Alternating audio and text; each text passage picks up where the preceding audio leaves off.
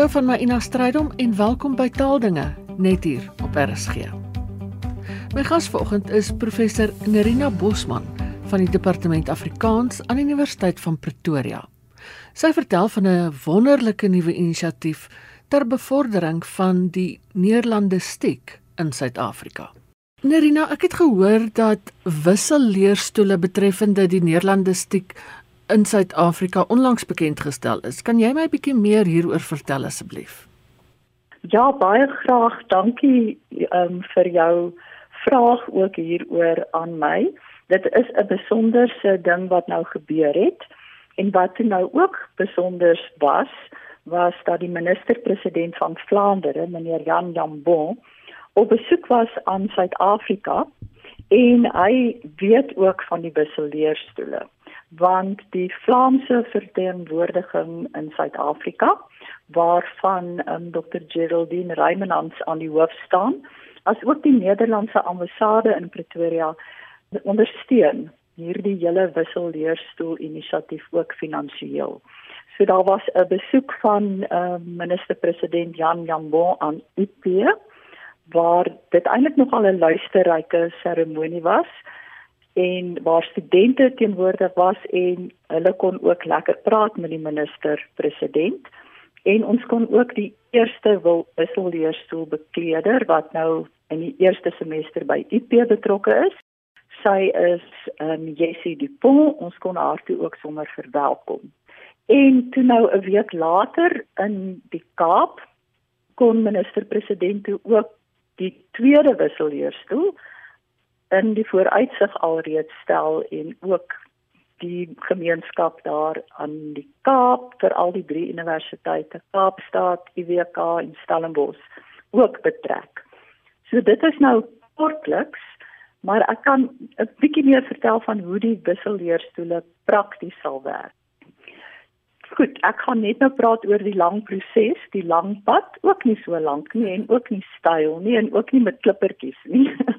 Daaroor sal ek ook graag wil praat, maar waarop dit neerkom is 'n 3-jarige projek gefinansier en ondersteun deur onder andere die Taalunie, deur die internasionale vereniging van neerlandistiek en dan ook soos ek nou gesê het deur die ambassade van Nederland, die koninkryk der Nederlande en die verteenwoordiging van die Vlaamse regering in Suid-Afrika.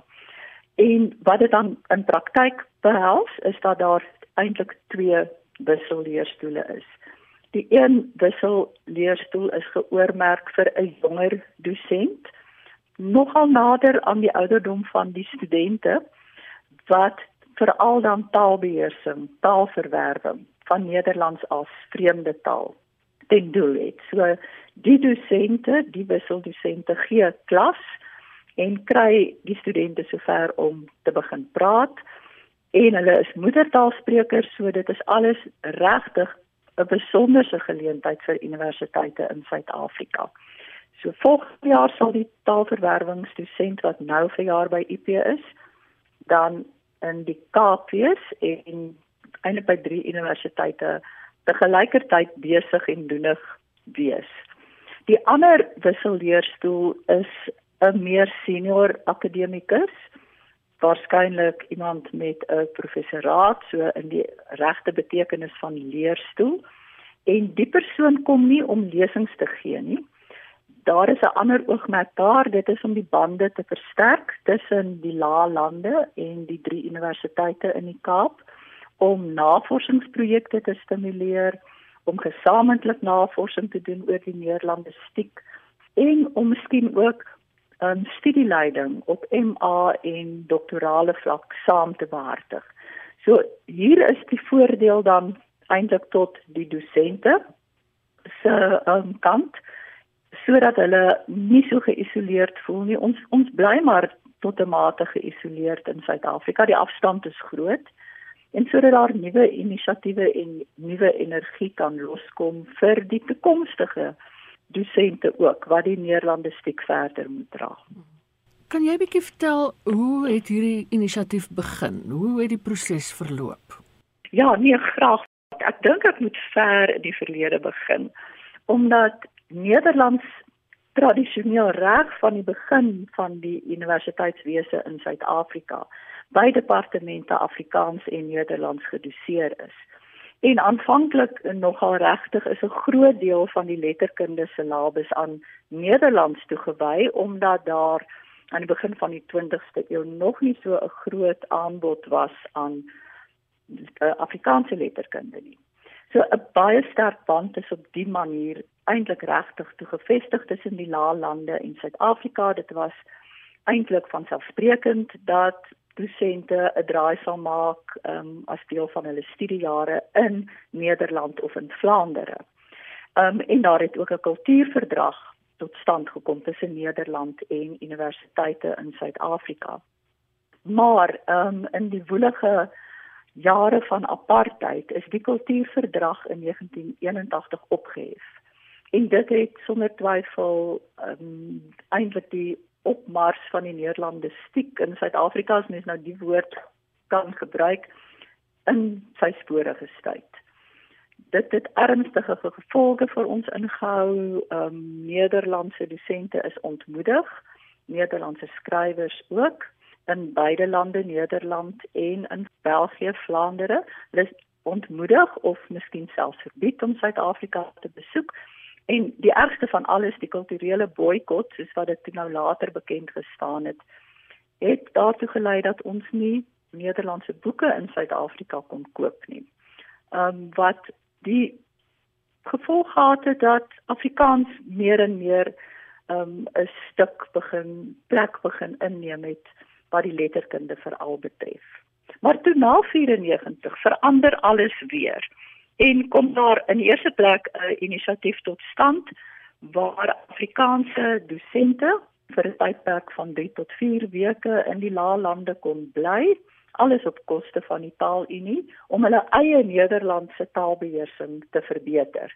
En ons um, pluk vandag nog steeds die vrugte van daardie vroeë inisiatief wat eintlik gelei is deur professor Dorothea van Sail.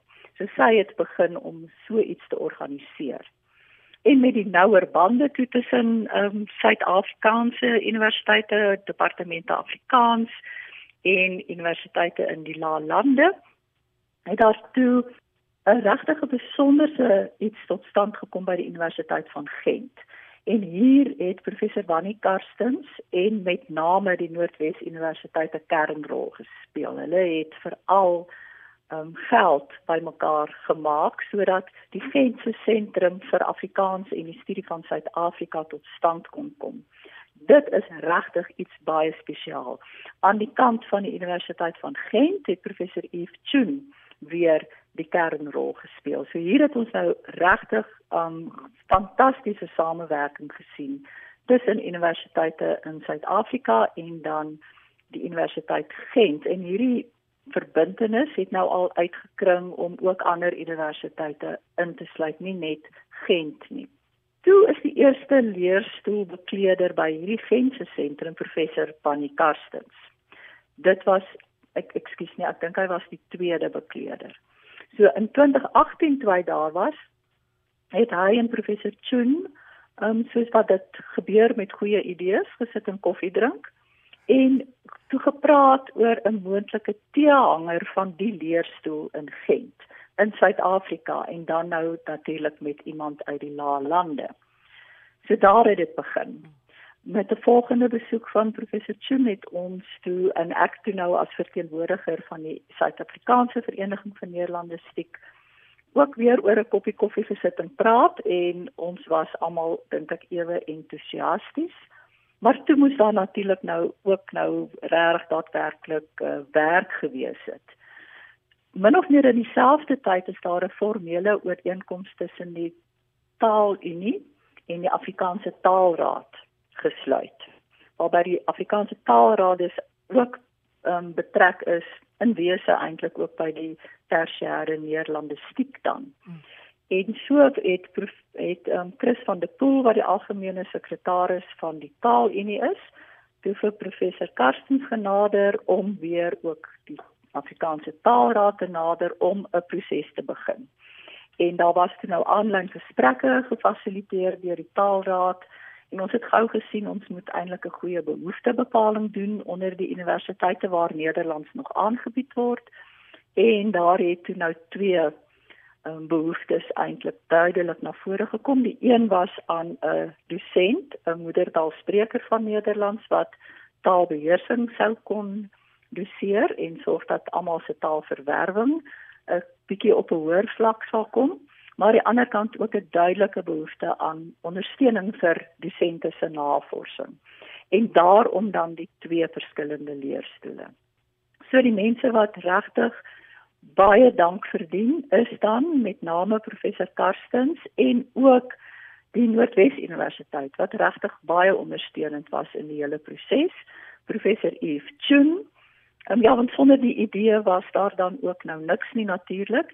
En dan absoluut um Chris van der Pool wat met entoesiasme die idee aangegryp het en nie net finansiële steun gebied het nie, maar al haar kundigheid, haar ervaring, haar organisatoriese vermoë en eintlik ook haar entoesiasme wat Suid-Afrika betref tot ons eintlik tot diens van die SAVN dan gestel het en ons fasiliteer dan nou die proses verder.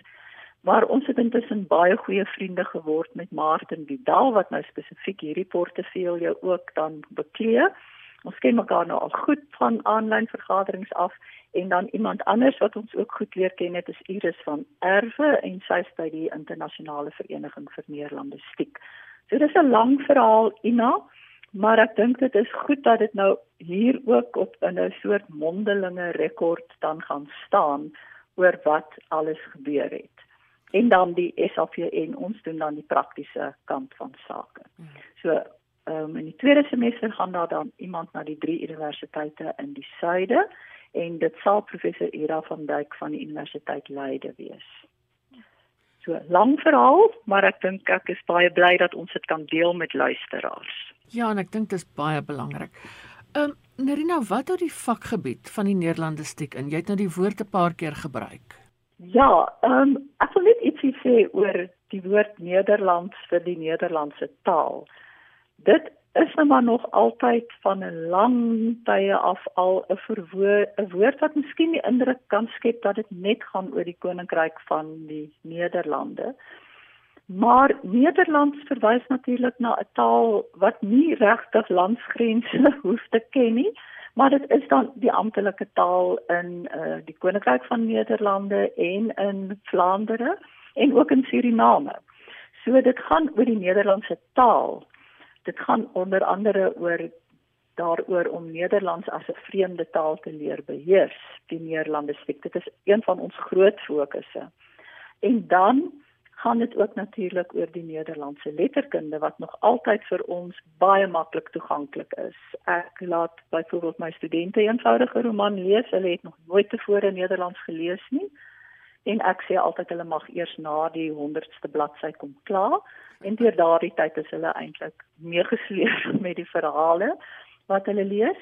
Maar dit ook nog weier ook Nederlandse die kultuurstudie van van die lande waar Nederlands dan gepraat word wat ook eintlik 'n vakgebied op sy eie is maar dan baie spesifiek um, met betrekking tot die aard van die lande daar waar die verskille lê tussen Nederland en Vlaandere ensovoorts so dis eintlik 'n baie wye vakgebied die Nederlandistiek Nou wat is jou rol betreffende hierdie leerstoele?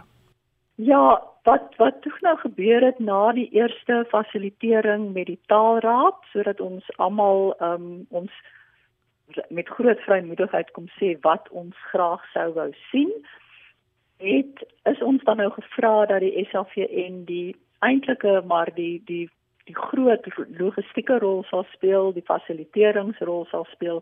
So ons is baie betrokke by die aansoekproses by eerstens by die bewoording van die advertensies vir hierdie moontlikheid. So daar ehm um, daaroor hou ons van gereeld vergaderings ons ehm um, wat taalbeheersing betref laat ons eintlik die um, insig en die wysheid van die mense in Vlaandere en Nederland laat dit aan hulle oor hulle is die kenners op die gebied en ons uh, kry eintlik nou net die vrugte van regtig die ongelooflike kundigheid wat daar is om Nederlands as 'n vreemde taal aan te bied. En dan wat die ander leerstoel betref, is dit baie belangrik dat daar aansluiting moet wees by die navorsingsbelangstellings van die dosente by die spesifieke universiteite. So daar besluit die universiteite onderling uh, wat wie hulle selfs altyd iemand in gedagte want ons ken mekaar daarom nou ook al goed by die universiteite so dit die, die proses verloop 'n klein bietjie anders. Maar die SAVN is daar om te help met baie praktiese sake soos om 'n motor te huur om te reis. Hoe gaan die mense vergoed word dan? Byvoorbeeld nou in die Kaap is baie praktiese vraag om tussen die drie kampusse rond te ry wat is die maklikste manier? So ons is kenners daar en ons um, is dan gereed om almal daarmee te help. Ook wat verblyf betref so ons speel 'n fasiliteeringsrol en dit is wel taamlik baie werk. In die sin dat dit lekker werk is maar daar daar gaan nogal baie ure in die beplanning in. Ek dink veral nou vir die eerste jaar. Ek dink van nou af gaan ons uh, ons gaan baie leer en dan kan ons regtig nou in die volgende 2 jaar wat 'n 'n soort proefloopie is om te sien of dit iets meer permanent kan word kan ons dan eintlik elke jaar verbeter doodgewoon wat die proses betref. Watter voordeel hou hierdie leerstoele vir departemente van Afrikaans en Nederlands in?